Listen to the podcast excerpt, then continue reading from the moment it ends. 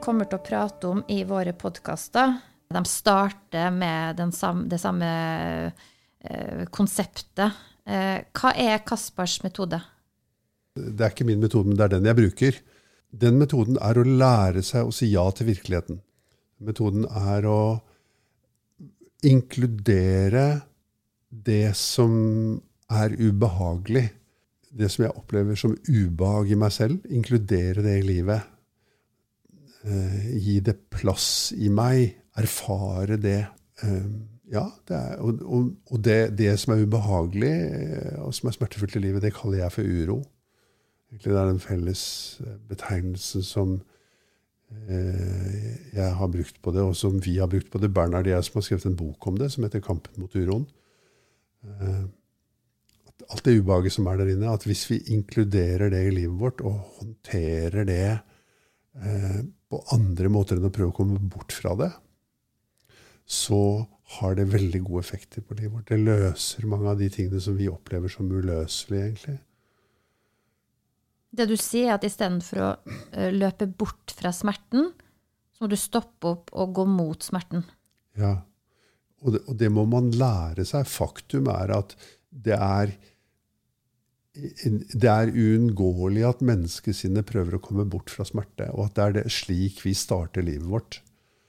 Vi har veldig sterke uh, mekanismer i oss uh, for å forsøke å unngå det som gjør vondt, og komme vekk fra det. Det å bli voksen handler egentlig kanskje om å uh, det kan jo selvfølgelig handle om det. Altså, hvis man skal lære seg noe nytt når man er voksen, når man liksom har større kapasitet til mange ting, så er det også å begynne å ta en ny kikk på alle de tingene man har unngått hittil i livet. Liksom. Eller forsøkt å unngå, da. Man jo, når man, når man er motivert for å eh, gå i psykoterapi, så er det jo veldig ofte fordi at man erkjenner at det funker ikke, det man gjør for å bli kvitt det vonde, for det vonde er der allikevel. Men det vi snakker om nå, er jo eh, ikke søker vi, vi, driver ikke med å prøve å få bort det vonde, vi driver faktisk med å prøve å bruke det vonde til noe, inkludere det i livet vårt, og si ja til det. da. Hva er gevinsten? En følelse, en dypere følelse av tilfredshet med at livet er, er sånn som det gir meg det jeg ønsker meg, istedenfor at jeg er skuffet over det. da. Jeg syns det er veldig fint egentlig, liksom tenke seg at man skulle dø en dag, eller man skal dø en dag. Og når man ligger der og trekker sine siste sukk, og så tenker man at det har vært veldig fint. liksom. Jeg er så tilfreds, jeg er så glad for det livet jeg fikk. Det må være veldig mye finere å dø sånn enn å dø og si angre på alt det jeg ikke har gjort, eller angre på det jeg har gjort, eller, eller jeg er skuffet over at livet ikke ga meg mer. Jeg hadde håpet på mer, liksom. Og mitt inntrykk er at det er veldig mange mennesker som hadde håpet på mer. Og at det er også en drivkraft til å søke hjelp. da. At man er liksom skuffa, rett og slett.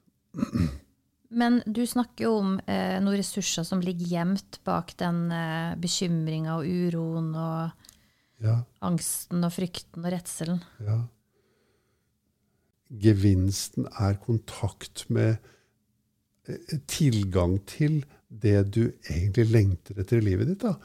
Og jeg, mitt inntrykk er at alle mennesker lengter etter det samme. De lengter etter kjærlighet, glede, ro, kraft vilje, humor, sensualitet og alle, de, alle mulige andre sjatteringer av det som vi mennesker kan ha tilgang til.